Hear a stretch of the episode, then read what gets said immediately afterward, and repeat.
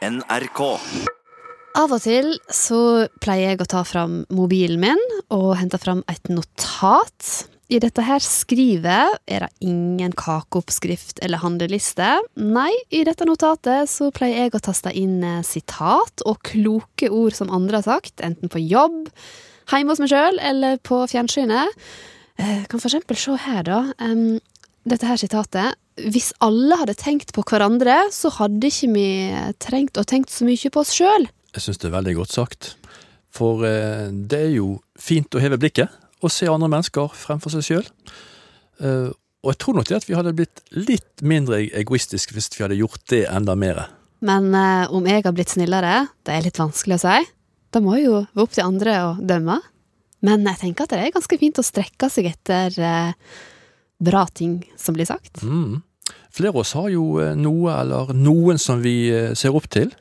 Og akkurat det skal vi få høre mer om i dagens podkast fra oss her i Mellom himmel og jord. Det er Camilla Kjøntingvold og Ove Gundersen her i studio. Og vi smiler litt eh, ekstra for tiden, vi. Ja, det er ikke så rart det, for her i Trondheim så har vi dagslys over fire timer lenger enn det det var på det mørkeste i desember, og akkurat det blir jo vi lys til sinns av. Ja. Gode og lettere til sinns. Men nok om oss, Ove. Vi har jo vært ute på gata. Der er vi ofte. Vi har gjort en liten spørreundersøking. Her er det en mann i en stor gul bil som driver og lemper kasser ut og inn. Kanskje jeg kan spørre han. Hallo, unnskyld? Kan jeg spørre deg, Hva gjør det med deg at lyset er på vei tilbake nå? Åh, eh, mer baken, mer energi. Det er det du merker forskjell. Ja, ja, ja. Humør og godt å komme hjem, og det kan være litt lyst ennå. Det er bra.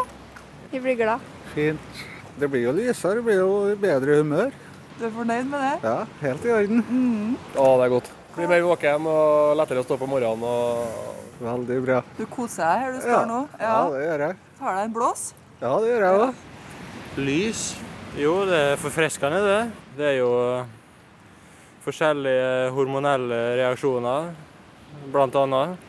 Som gjør at du Ja, det kvikner kvikner jo til. Det er jo naturlig det at en er våken når det er lyst og trøtt når det er mørkt. Ja, det er veldig mye bedre. Det er mm, bedre humør, mer energi. Nå er det altså fire mer timer i, per dag sånn cirka enn i desember. Hva bruker du dem til? Jeg skulle si fortsatt på jobb, men eh, nei, jeg er jo eh, lettere å gå tur ut med hund og mye greier. oss Det, Jobb. det, ja, Ja, ja da. Det er jo, kommer man ikke hjem før fem uansett. Men det merkes jo fra inn i, på kontoret òg. Det er samme effekt inne som ute. Så nå våkner du til liv igjen. Mm. Gjør meg klar for vår og ser i hageblad. Hva drømmer du om, da? Sommer. Nå er det fire timer som cirka mer dagslys enn det var i den 21. desember. da. Ja. Hva bruker du dem til? Oh, ja, nei, stort sett det samme. For uh, sjøl om eh, at eh, sola og jorda har sin rytme, så har jo i min døgnrytme og samfunnet og skole osv. står opp til omtrent samme tid og skal jo på forelesing og gjør jo ting til faste tidspunkt lell. Merker det om morgenen når jeg er på vei til skolen. det er som jeg sier, det blir litt mer energi, og det ser at folk er litt blidere. eh, Du ser jo ganske blid ut, du òg. Ja, ja. Ja. Ikke noe, å klage på. Hva gleder du deg mest til framover, da? Det kommer jo mer og mer lys nå. Å komme meg i shorts og springe på jobb. Sånn ut i mars, tenker jeg. Så snart skal du ta fram shortsen fra Ja, innerst i jeg har så mye kunder som mangler meg i shorts. Det, det sikre vårtegnet. det. Så du jobber i shorts. Jeg jobber veldig lenge i shorts, egentlig. Jeg prøver å komme meg i shorts nå. Se nå i mars. Hva gjør det med deg at lyset er på vei tilbake? Mm, Nei, det er bare bra. er bare bra. Ja, det er aldeles nydelig. Hva som skjer da med deg? Nei, Jeg blir i bedre humør, føler meg mer ja, lyst på livet. Ja? Ja, ja, ja. Før var jeg kjempeglad i vinteren. Gikk veldig mye på ski. Uh, nå er det litt mindre på ski. Eh, jeg har jo hørt at en av fordelene med å bli eldre er at man slipper å gå på ski. det var nesten en spøk, for jeg syns fremdeles det er hyggelig å gå på ski, altså. Ja, det beste med å bli gammel, det er å slippe å gå på ski, sier denne mannen som blir mer glad i lys og varme etter hvert som åra går. Mm. Og dette, dette lyset det gjør jo så innmari godt. Men hvordan var det for første gang da lyset brøt gjennom universet for mange milliarder år siden? Hvordan var det før dette lyset kom? Alt det som vi ser rundt oss på stjernehimmelen i dag, det var samla i ett punkt. Og det gjorde at energien var kjempehøy. Og da var temperaturen veldig høy. Og det var faktisk så høy energi at eh, lyset ikke slapp gjennom. For når det er varmt, så beveger atomene seg veldig fort. Ja, det stemmer. Så det bare krasjer lyset inni atomene, liksom. Ja, det er helt riktig. Det har kanskje sett sånn eh, lava i vulkaner. For oss også ser jo lavaen litt sånn rødglødende ut, men hvis du har gått inni der, så, så hadde, hadde lavaen vært helt svart. Så lyset hadde ikke sluppet gjennom der. Og sånn var universet. Bitte lite. Universet lite, mørkt og grusomt varmt. Noen hundre tusen fantasillioner grader celsius, omtrent. Så ville jeg ikke eh, anbefalt å bade den dagen. Men David her, han holdt på med en doktorgrad, og han elsker å se på universet og prøve å finne matematiske formler som passer inn i det han ser. I universets historie som han snakker om nå, så er vi rett etter Big Bang. Relativt, da, altså bare noen hundre tusen år etter det store smellet. Universet begynner å utvide seg. Temperaturen synker nå alvorlig. Atomene roer seg ned, sånn som de gjør når det blir kaldere. Så da var det et punkt sånn ca. 400 000 år da, etter Big Bang, hvor det ble fylt med lys i universet.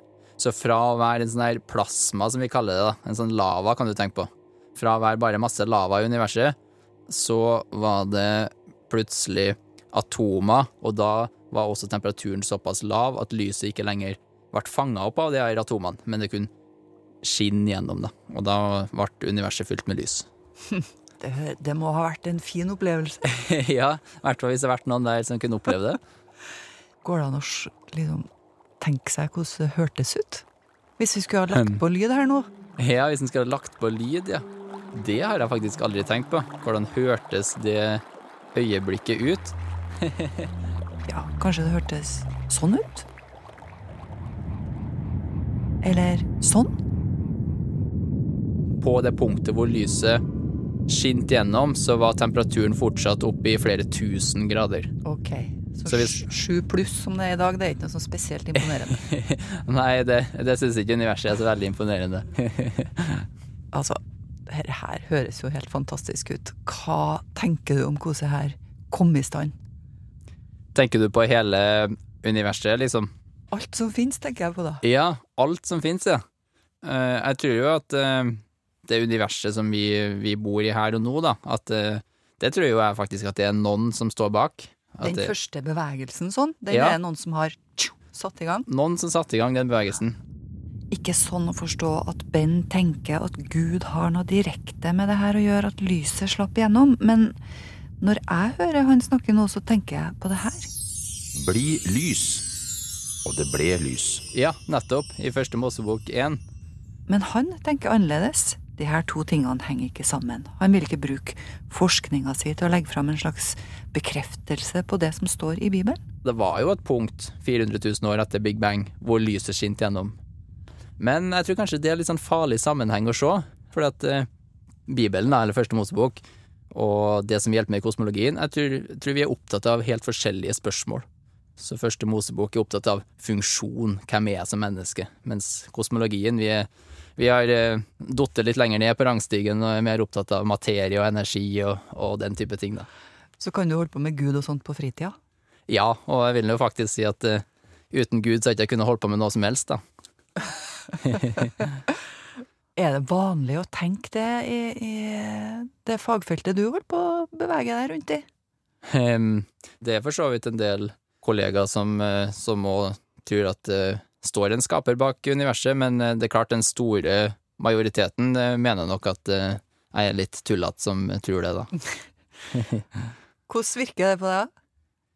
Det er jo bra, tenker jeg, at hvis, hvis noen oppriktig mener at det som jeg står for er feil, at de da presser meg litt hardt på det. Da vil jeg jo selv finne ut om det her faktisk holder vann eller ikke. Og så, så hvis de har gode argument som jeg bør la meg overbevise av, så ønsker jeg jo det. Jeg ønsker å finne ut hva som er sant. Men eh, så langt så har jeg ikke møtt noe argument eller noe, en forståelse som gjør at jeg har gitt opp trua på at det står en skaper bak det. Slik jeg tenker Ben David Nordmann om forskninga og om Gud. Og eh, Ben David han vant forresten en pris for god forskningsformidling eh, i fjor. Han holdt en forelesning om universet, og ble nummer én i Forsker Grand Prix i 2018. Det var riktig så flott. Og hvis du likte det som Ben David eh, sa, så kan jo vi fortelle at han har lovd å komme tilbake ved et seinere høve, som vi sier på nynorsk. For eh, vi har jo kanskje lyst til å høre mer om eh, hva Ben David har forska på, og hva tankene han har rundt dette her. Mm.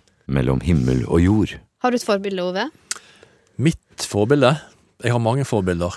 Skal jeg bare velge ett, så kanskje jeg kan si uh, soulartisten Stevie Wonder.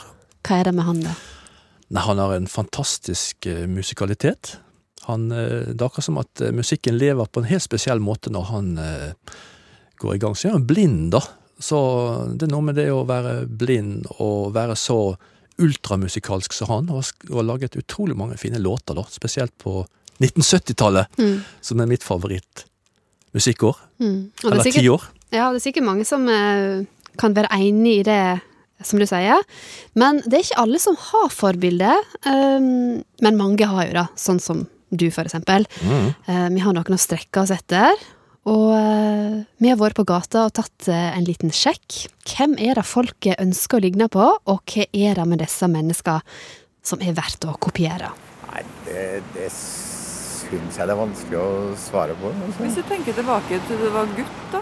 Du Ja. hadde ikke noe sånn plakat på veggen eller et eller annet? Nei, jeg hadde ikke det. Nei. Nei. Har du, eller har du hatt noe forbilde ennå? Ja. Mamma. Å, fortell om mamma. Nei. Forbilde? Ja, jeg likte veldig godt eh, biologilæreren min på videregående. Altså, jeg er jo en nysgjerrig type, da, og så han eh, var jo kanskje med på å fremme, fremme det litt, da, hvis jeg stilte spørsmål og sånn. Så var han med på diskusjoner, og, og så eh, var han flink til å få, få med, og ikke minst resten av klassen, til å se ting fra flere vinklinger og sånn. da. Det, han, han viste oss at eh, ting er ikke svart-hvitt. Har du, eller har du hatt noe forbilde ennå? Ja, Toralf Engan, egentlig. Å, Ja. fortell om han. Eh, Jeg hørte jo på Bjørge Lillelien på radioen. Og Han gikk opp i fistel hver gang han Toralf Engan hoppa. Og det gjorde inntrykk på deg. Ja, det gjorde det. Hadde du lyst til å bli hopper, da? eller? Det var det da jeg var guttunge, ja. Men det Hva er lengste hoppet ditt, da? Å nei, det er 16-17 meter, tror jeg det var.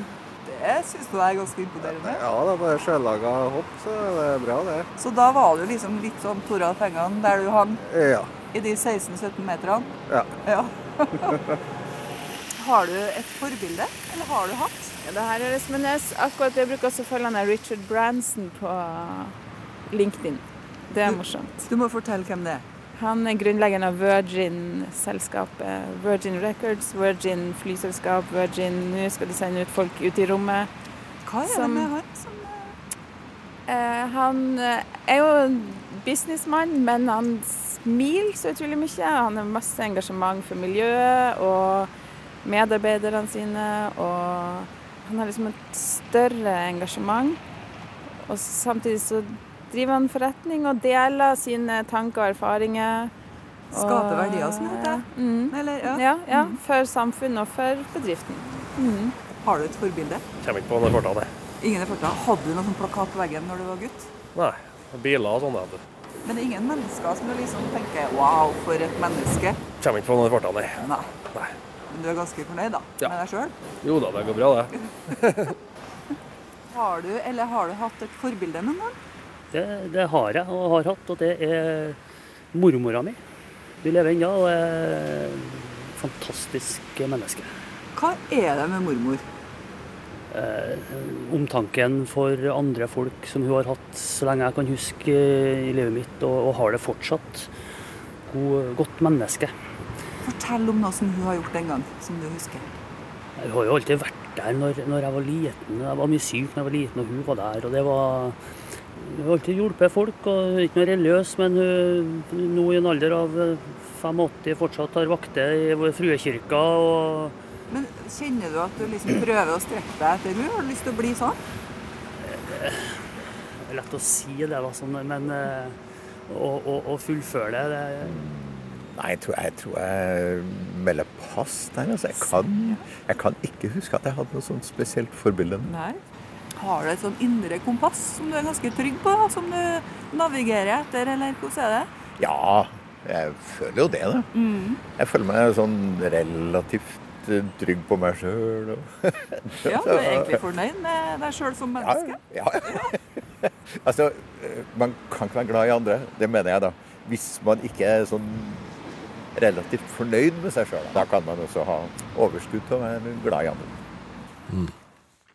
Ja, noen er jo fornøyd med sitt indre kompass, andre syns kanskje det kan være godt å få litt hjelp til å navigere rundt eh, dette livet. Og nå skal vi bli litt bedre kjent med Jens Kvernmo. Han eh, kan vi putte opp i den siste boksen. Altså, eh, han trenger iallfall litt eh, Altså hjelp, det blir jo kanskje litt feil ord, men han har en person som hjelper han å navigere rundt i dette livet. Ja, absolutt. Helt siden ungdomsårene så har han forgudet Helge Ingstad. Og det gjør han den dag i dag, mange år etter at eventyreren gikk bort. Men eh, det er jo litt spesielt. Det er jo litt artig også, da, å tenke på at han på en måte styrer hele livet mitt da, litt, da, faktisk, nå. Eh, Det er jo 17-18 år siden han gikk bort, da, og fortsatt så er det liksom han som på en måte bestemmer litt, da. Hva er veivalgene mine, da. At jeg vært leieplass for natta. Nå er jeg på Bidjo, Jævri. 32 år gamle Jens Kvernmo fra Steinkjer kommune har du kanskje sett på NRK1 i vinter. Med hundespann så legger han ut på en eh, 120 mil lang tur fra Finnmark i nord til Trøndelag litt lenger sørpå. I snøstorm, bitende kulde og kupert terreng. Fytte grise, Jonny. Med seg på laget har han seks trekkhunder. Ja, og så eh, har han dette her store forbildet, Helge Ingstad. Juristen som forlot eh, det trygge borgerlivet på begynnelsen av eh, 1900-tallet for å drive med pelsjakt i Canada. Frihet og eventyr framfor A4-liv. Jeg var jo kanskje 14-15 år da når jeg var nede i kjelleren til, kjelleren til bestefar. Vi skulle, vi skulle jo sikkert på noe bygdefest, så så jeg var vel nede og, og lurkikka i barskapet hans. Men jeg, jeg fant noen bøker der, blant annet noen bøker som Helge Ingstad har skrevet. da. Så jeg husker den første boka jeg leste, der var 'Pelsjegerliv'. etter den. Eh, Det var jo en, eh, et, på en måte et, et vers der da, som, der han beskrev at der han satt bare i skjorteermene og, og hadde hele, altså landet lå til hans rådighet. da. Vannene og fjellene og skogen lå til hans rådighet, og han følte seg som en millionær. Og det har på en måte brent seg litt fast da. Altså, han hadde jo så lite. da. Han hadde på en måte klærne han gikk i, og, og børsa på ryggen og fiskestanga i hånda. Og, og den eh, ødemarka til eh, sin egen rådighet, og likevel følte han seg, følte han seg rik. da. Og det, og det kjenner jeg, det har jeg kjent på sjøl, på sånne overvintringer. Hvis jeg har hvis det har gått bra med fiske, f.eks. noen dager at jeg har eh, overflod av fisk, da, så, så føler jeg på en måte nesten en sånn form for rikdom. Altså. Eh, selv om det blir jo litt annet, forhold i dag, da. Så, så kjenner jeg litt på det sjøl. Altså, så, så, så de setningene de har brent seg fast der fra boka. Helge Ingstad har fulgt drømmene sine. Og det samme kan jo vi si om eh, Jens Kvernmo. Han har sagt opp jobben for å leve så mye han kan i naturen. Å tør å ta sjansen på å følge den, den drømmen man har, da. Altså, det er ikke så enkelt, da, akkurat det valget der. Og, og han torde å gjøre det flere ganger i livet. Og, og på en måte den, altså det er på en måte den største verdien, tror jeg, i det forbildet han er for meg. da. At han eh, viste på en måte hvor enkelt det faktisk kan være. da. Det er bare om å gjøre det. For du sier at det, det er så enkelt, eh, men er det egentlig det? Vi har jo sett deg i villmarka, der du har møtt på mye skummelt og, og masse dårlig vær og ja. Så det er jo selvfølgelig noen noe tunge og tøffe stunder, da. Altså, men det skal det være òg, for, for uh, hvis ikke så setter man ikke pris på de, på de gode dagene. Så jeg tenker mye på han, spesielt på de tunge dagene. da. Når det er tungt føre og dårlig vær og sulten gnag og sånn, så tenker jeg på hvordan han gjorde det, da. Hva han ville gjort nå, liksom. Så hva Helge ville gjort nå, tenker jeg ofte. Så det hjelper meg litt, altså. Dette her med å ha et forbilde, hva slags eh, behov eh, tror du at et forbilde dekker? Um, altså For min egen del, da, så har jo altså, Helge Ingstad kanskje vært en sånn type som har, eh, har puffa meg i ryggen. da. Har på en måte litt tråkka opp det sporet, da, for nå var jo han var jo interessert i det samme som jeg, jeg vokste opp med sjøl, og det samme interessene som jeg har. Så han har jo vært en, en eh, sporbryter for, eh, for mine egne drømmer. Ja, for ha en behov for å se opp til noen, for å kunne klare noe sjøl? Er ikke det nok liksom å være seg sjøl? jo, men jeg tror, det, jeg tror det er veldig sunt å ha noen å se opp til. Altså man, man eh, kanskje strekker jo seg litt, da. Det er jo viktig, det er viktig hvilket forbilde du velger deg. Da. Det bør jo være en som representerer noe godt. da. Er du et forbilde? Jeg tør ikke å tenke på det, egentlig. Men eh, ja, jeg møter jo masse unger, da, så det er jo Man har jo mest sannsynlig fått en, eh, en rolle der, da, men, eh, men ja, det blir ikke Det er vanskelig å se på det sjøl. Sånn går meter for meter. Har vi hytta rett oppi her, da. Du har jo Helge Ingstad som forbilde, men det er jo ganske vanlig å ha forbilde i samfunnet. Det er mange som har det.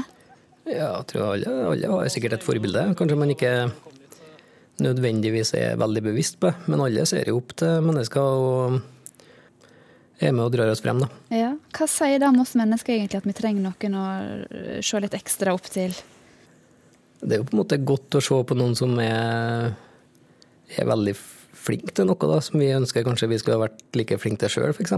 Um, men det er jo på en måte altså vi er jo et eh, Kanskje det har noe med at vi er flokkdyr, da. Altså at vi har Altså Vi er jo på en måte like mye flokkdyr vi som, som ulv, f.eks. Altså, det har jeg jo kjent på sjøl når jeg er på tur alene. Da, at, eh, at vi er jo egentlig ikke laga for det. Vi er laga for å være i, være i flokk, i familie. ikke sant? Så, og da ser man jo kanskje gjerne opp til mm, en ulv, da, kanskje ser opp til lederen i flokken. da, Så kanskje det henger i Jeg tror kanskje det henger i lag med noe naturlig der, da, fra gammelt, gammelt av. At vi ser opp til lederen i flokken. Bamse, har du vært flink? Ja. Tarzan, da. Tarzan. Litt boll har det vært. Ja, det sier Jens Kvernmo, eller Jens i Villmarka. Se gjerne siste episode på NRK1 tirsdag 19. februar klokka 19.45, eller når som helst på NRK TV.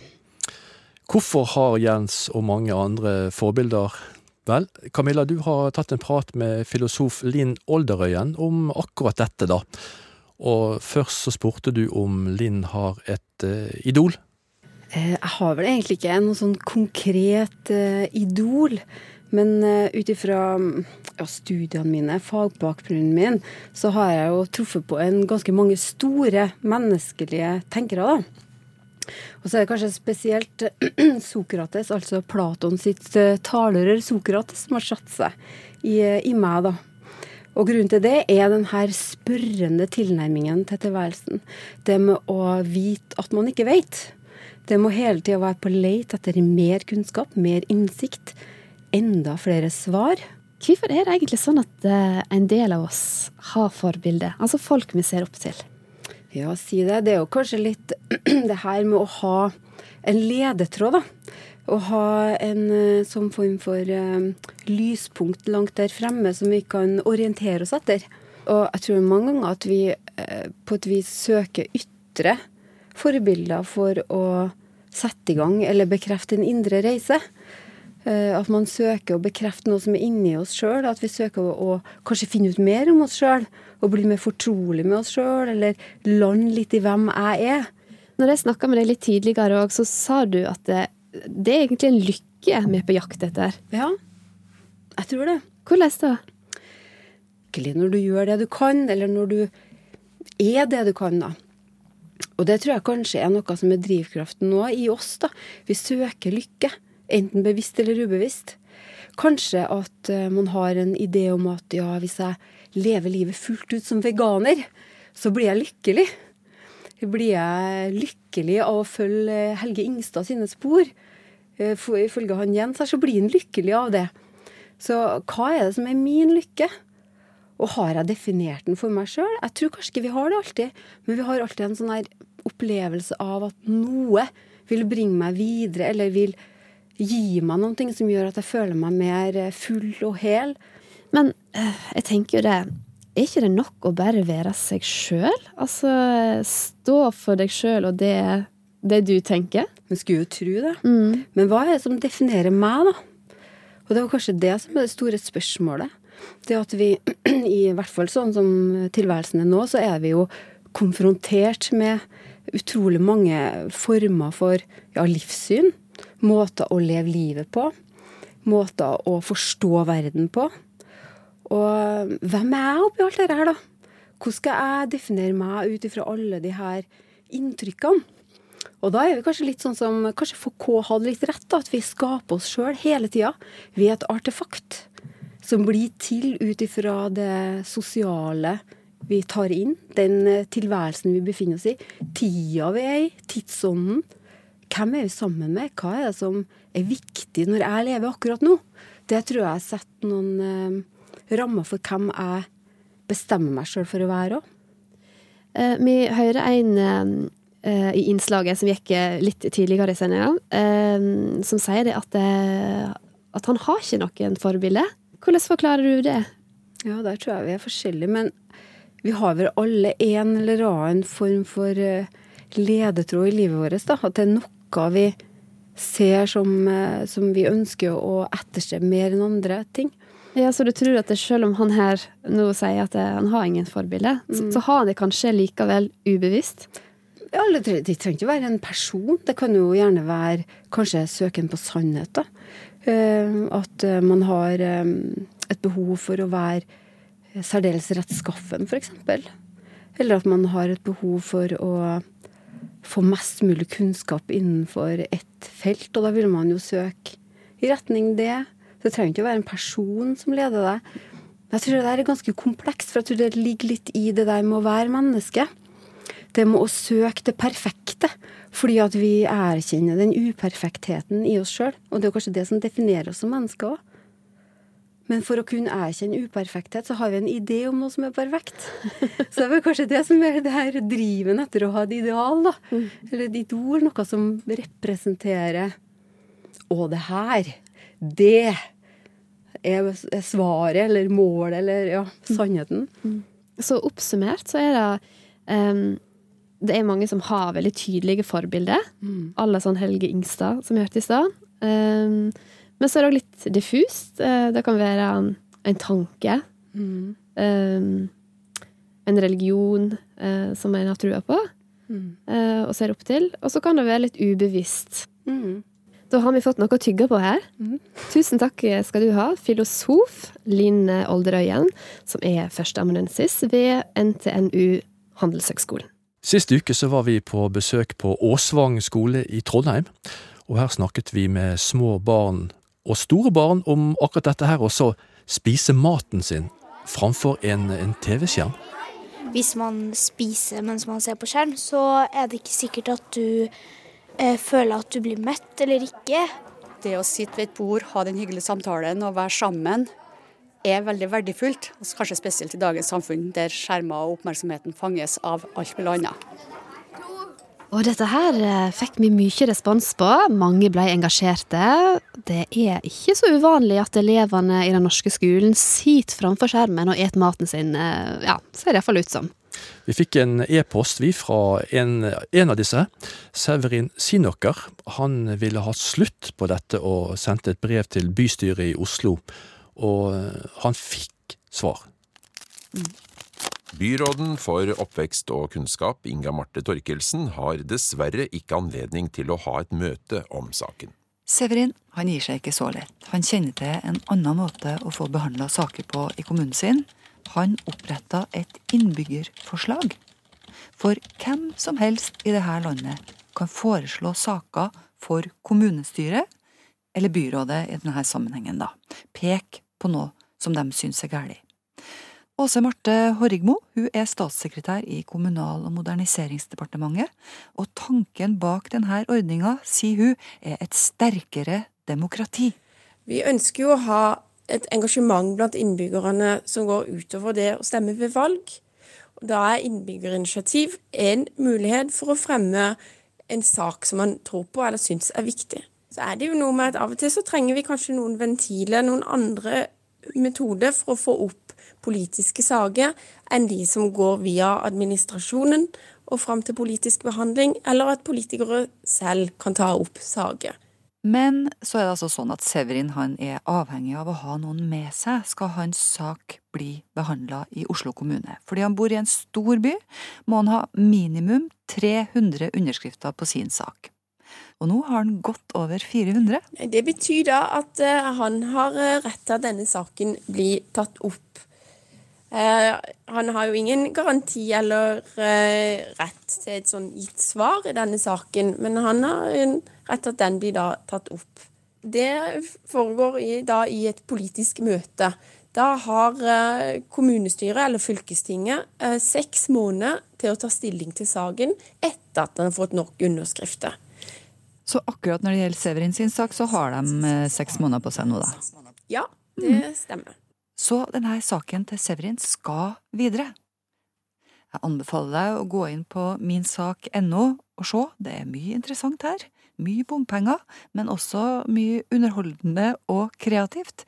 Én foreslår for eksempel å endre et gatenavn i Oslo fra Frøyas gate, her ligger Saudi-Arabias ambassade, til Jamal Khashoggis gate.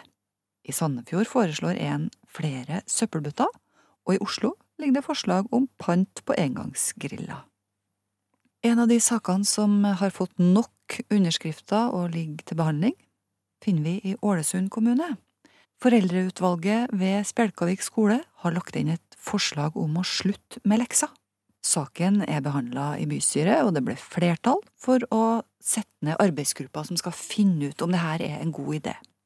Og denne muligheten til å legge inn et innbyggerforslag, den er for alle. Det kan eh, hvem som helst gjøre.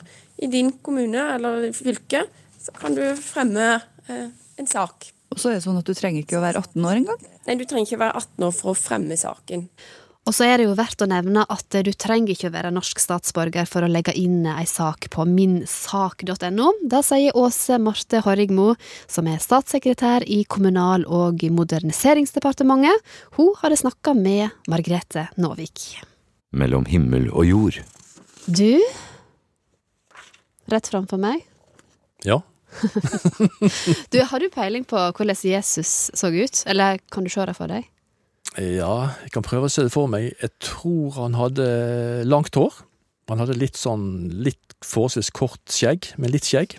Han hadde brune, varme øyne. Han var en staselig kar som jeg tror eh, folk snudde seg eh, på gaten etter. I hvert fall damene, da. Kanskje noen menn også. Det høres nesten ut som du har møtt han, Ove. Det var mange detaljer her. ja, kanskje jeg har møtt han, da. Det kan, ikke, det kan jo hende det. Vi lar det henge i lufta. Ja.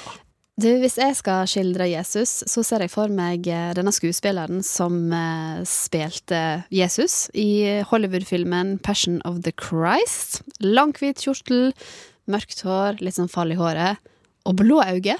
Blå øyne? Ja. Eller, eller blå, blå øyne. ja, Nei, det kan jo være. Det er jo ingen som sitter med, med fasiten her, egentlig. Men det er jo også i Bibelens, eh, det som kalles for Nytestamentet, da, at fortellingen om, om Jesus finnes. Men her finnes det jo heller ingen beskrivelse av, eh, av hvordan Jesus eh, så ut. Å, hvorfor ikke det? Nei, det var fordi at det var ikke så vanlig på den tiden å skildre for, for leserne hvordan menneskene så ut. Så, så Jesus han ble jo heller ikke da skildret. Men, eh, men det vi vet mye mer om, det var jo hva han sa og hva han mente, og, hvem han var på en måte. Det vet vi ganske mye om. Men dette her med hvordan han så ut, det ligger vel gjemt i livets store hemmelighet. Men det er jo eh, lov å tippe, eller tenke seg til det. Vi skal snart få høre hvordan eh, folk opp gjennom tidene har framstilt eh, Jesus. Men først, Ove, du har vært på gata og spurt folk eh, i dag, i 2019. Hvordan tror du at Jesus så ut? Eh, vel, eh, hvis jeg har skjønt riktig, så har han mest sannsynlig ikke samme hudfarge som vi har i sånne klassisk norske eh, avbildninger. Eller jeg ser kanskje ikke helt for meg Men jeg vet ikke så mye om hvordan de så ut på den tiden, da. Men han var vel ganske mye lavere. Mørkere i håret mørkere i huden. Tror du han var en sånn, eh, så litt sånn lidende ut, eller så han er glad og happy ut, tror du? Uh, jeg tror personen var, relativt, var en veldig sånn karismatisk person. Jeg tror det er viktig i den rollen, ja. Sånn eh, passe glad og sånn passe eh, trist på en måte, eller sånn Nei, Jeg, jeg tror nok ikke han så veldig sånn trist ut, nei. Men det er meg. Jeg, jeg tror faktisk han kunne ha vært Jens Stoltenberg. Sånn utseendemessig? Ja, nei, så utseendemessig, men eh, bare holdninga og den eh, fremtoninga. Mm. Mm. Hva er det med Jens Stoltenberg, da? Nei, men det har noe med det budskapet han eh, prøver også å spre, tenker jeg. Eh, Medmenneskelighet. eh, Hele familien er jo veldig flott, da. Søstera sant, som gikk bort. Og det er liksom den holdninga de har da, til mennesker rundt seg. Ja, Hvordan tror du utseendet til Jesus så ut? Har ikke peiling. Det blir jo noe Midtøsten-utseende, regner jeg med. Det er jo i Jerusalem-området, så ja. Jeg tror han var en glad mann eller en trist mann. Ingen anelse. Nei, har ikke peiling. Glad. Han fikk vel mye oppmerksomhet, da, så Hvordan tenker du at Jesus så ut? Jeg har jo det typiske bildet med langt hår og hvit uh, kjortel. Ja. Og litt skjegg. Akkurat det ser jeg for meg. Var han hvit eller svart, da? Mørkhudet? Jeg vet ikke. Middels. Han, eh, jeg tenker at den var hvit, men den var sikkert ganske brun, da. Sole, sola som blir. Nei, jeg vet ikke. Jeg har det typiske bildet, tror jeg. Ja, dette her var folk på gata om hvordan de tror at Jesus så ut. Vi mennesker vi har jo fremstilt Jesus på, på mange forskjellige måter opp gjennom tidene. Og fra å være en kongelig skikkelse med krone av gull til å bli en lidende Kristus med, med tornekrone. Nå er vi i magasinutstillingen. Ja, stig på og velkommen til NTNU, Vitenskapsmuseet i Trondheim. Nesten som en kirke, og samtidig ikke. Her er det haugevis med fargerike skatter fra middelalderen. Så det henger noen ting på veggene, og så ligger det masse, masse ting på hyllene. Men vi er på jakt etter en helt spesiell figur. Ja, det er et krusifiks. Og en krusifiks det er jo en Kristusfigur som henger på et kors. Heldigvis er kunsthistoriker Margrethe Stang med oss. Og det krusifikset her er fra 1300-tallet. Det er fra Hov kirke i Sokndal, som også er sør for Trondheim. Og denne her em, 700 år gamle Jesusfiguren i tre, han har det ikke godt. Tornekrona er pressa godt nedover panna, slik at det blodet pipler fram. Man ser liksom hele kroppen henge forover, og armene opp i en sånn Y-fasong. Og så knærne trukket opp. Og så henger hodet veldig tungt fremover. Så du ser at om han ikke død akkurat nå, så er han i ferd med å dø veldig snart. Den ser nesten litt sjeløyd ut, ikke sant? Og det er nok fordi at han skal se ut som han ser på oss. Jesus har blitt framstilt på mange forskjellige måter opp gjennom historien. På 1300-tallet, da svartedauden herja som verst, lei Kristus i lag med de døende. Jeg tror nok at i et samfunn hvor det har vært så mye lidelse, og den lidelsen har nok vært konstant i store deler av forhistorisk tid, da. Um, men, um, men hvor det har vært mye lidelse, så har man jo behov for at religionen tematiserer de tingene. Um, det, jeg tror jo til enhver tid at, at eh, religion i et samfunn speiler de behovene som finnes i det samfunnet. Og med ekstremt mye lidelse, så vil du også få en eh, Gud som på en eller annen måte forholder seg til lidelse. Og i dette tilfellet også bilder da, som eh, kroppsliggjør og konkretiserer eh, lidelse for oss. Så det å leve seg inn i de lidelsene som både helgen og Kristus gikk gjennom, det var også en måte, må vi anta, å takle egen lidelse på. Denne her eh, lidende Jesus på 1300-tallet som eh, vi har framfor oss, han skiller seg kraftig fra hvordan eh, han først ble framstilt og kristendommen var ny i Norge på 1000-tallet. På den tiden, altså på 1000-tallet, så så Jesus annerledes ut. Eh, han var en kongelig skikkelse med krone av gull. Når, når Skandinavia ble kristnet rundt år 1000, så virker forskerne ganske enige om da, at noe av det som gir appell, eh, er for disse eh, vikinghøvdingene. Det er jo det at de får en religion som har en mektig Altså Kristus er en mektig konge. Og nettopp det er høvdingen som herjer i helvete-bildet. ikke sant? Det er et helt eh, bisart bilde for moderne kristendom. Men, men, rundt årtusen så var det selvfølgelig man, man ønsket en sterk beskytter. Altså Gud, eller eh, Kristus, da, var jo en beskytter. Og man allierer seg med den sterkeste guden, og det er da I dette tilfellet så var det Kristus. Mm. Så det er på en måte viktig å være sterk i begynnelsen, og så kan en begynne å vise ja, det, Nei, det, mer det, sine det er en ganske enkel måte å si det på, men ja, i, i store trekk så vil jeg si at det stemmer, ja. ja. Mhm. Men eh, Jesus i dag, da? Hvordan blir Jesus framstilt eh, for oss i 2019? Um, nå, nå vet jeg ikke om man har sett noen bilder av Jesus malt eller skulptert i 2019. Men det er klart at eh, for mange så er det jo et litt abstrakt bilde. Det blir jo ofte eh, ganske sånn abstrahert. Um, rundt midten av 1900-tallet så var det jo ganske populært i Norge i hvert fall å fremstille eh, Kristus som blond og norsk og nærmest en norsk bondegutt. da. Og det har vi beveget oss bort fra. Sånn at på slutten av 1900-tallet og tidlig 2000-tall så er det der å faktisk vise ham en- som en mann fra Midtøsten, da. den palestinske opprøreren, at det bildet har jo blitt aktuelt på så mange måter. Og så kan man kanskje si at det blir ganske politisk i 2019, men det er kanskje også der kristendommen er i dag. Så, så det er jo helt åpenbart at eh, bildet vårt av Kristus endrer seg med tiden. Mhm. Så nå har han ja, gått fra blond til å bli mørk. Ja. Men lider han fortsatt, eller eh, er han sterk? Um, det er nok litt begge deler. Men vi, altså hvis du tenker på film, da, så har vi hatt en del eksempler på filmer hvor, eh, hvor altså The Passion of the Christ, hvor nettopp lidelsen kommer i, i um, fokus veldig sterkt og i forgrunnen. I vår kultur, tenker jeg på Nord-Europa, Norge, så er nok det å vise lidelse som grafisk noe vi ikke ønsker i kirkene, moderne kirker i dag.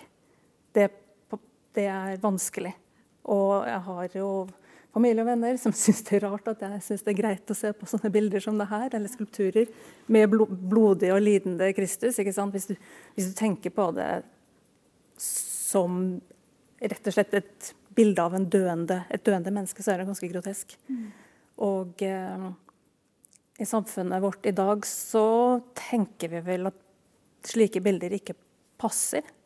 Nei? Hva sier det om oss, da? At vi eh, ikke ønsker lenger en lidende? Eh, Lidelse er noe som hører til på sykehus for mange av oss. eh, Og som vi ikke har lyst til å bli minnet om. Det handler om Dette her er et bilde av tortur. Og det er i hvert fall ikke noe vi ønsker å bli minnet på på den måten. Og jeg tror jo også teologisk, er ikke teolog, da, men at eh, dagens teologi strever litt med, med lidelse. At, eh, det, kan en, det kan du spørre en prest om. Men at eh, dette med den ekstreme fysiske lidelsen, og var det virkelig nødvendig å dø? Men har det, altså kan det ha noe med at eh, det er jo litt forskjell på hvordan vi har det i dag og på 1300-tallet eh, i hverdagslivet vårt? Det er helt åpenbart. Altså 1300-tallsmenneskene var jo vant til å både se lidelse og oppleve det selv. Bare det å ha tannverk Jeg har kjent litt på en tann i helgen, så lurte på om jeg skulle ut til tannlegen denne uken her. Sånt? Og det å, å, at vi har et samfunn som i så stor grad prøver å fjerne lidelse, eh, og klarer det. Eh, mens eh, bare vanlig tannverk hadde jo vært eh, noe som absolutt alle, fra konge og ned til den eh, laveste trell, ville måtte forholde seg til i middelalderen. Sier Margrethe C. Stang, som er forsker ved Institutt for kunst og medievitenskap ved NTNU i Trondheim.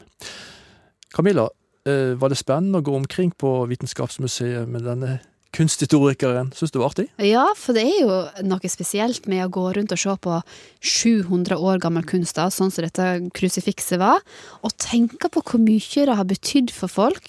Eh, og som Margrethe da sa, Margrethe Stang, eh, så fant folk trøst i den lidende Jesus under svartedauden, for eksempel. Mm. Er, sånn, er det sånn at eh, vi andre har sjanse for å se, se på den utstillingen? Mm, det er, altså denne utstillingen den er ikke åpen til vanlig, men av og til så har de omvisninger der, så det går an å sjekke ut om en eh, har lyst til å, å se dette. Spennende. Og dette var jo det vi hadde for i dag. Ja, spørsmål, ros, ris kan eh, du sende til oss. E-post himmel og jord, krøllalfa, nrk.no. Himmel og jord, krøllalfa, nrk.no. Camilla Kjønn Tingvold og Ove Gundersen logger nå av. Så høres vi igjen ja, neste mandag, skal vi si det? Ja, ha det fint så lenge. Ha det bra. NRK.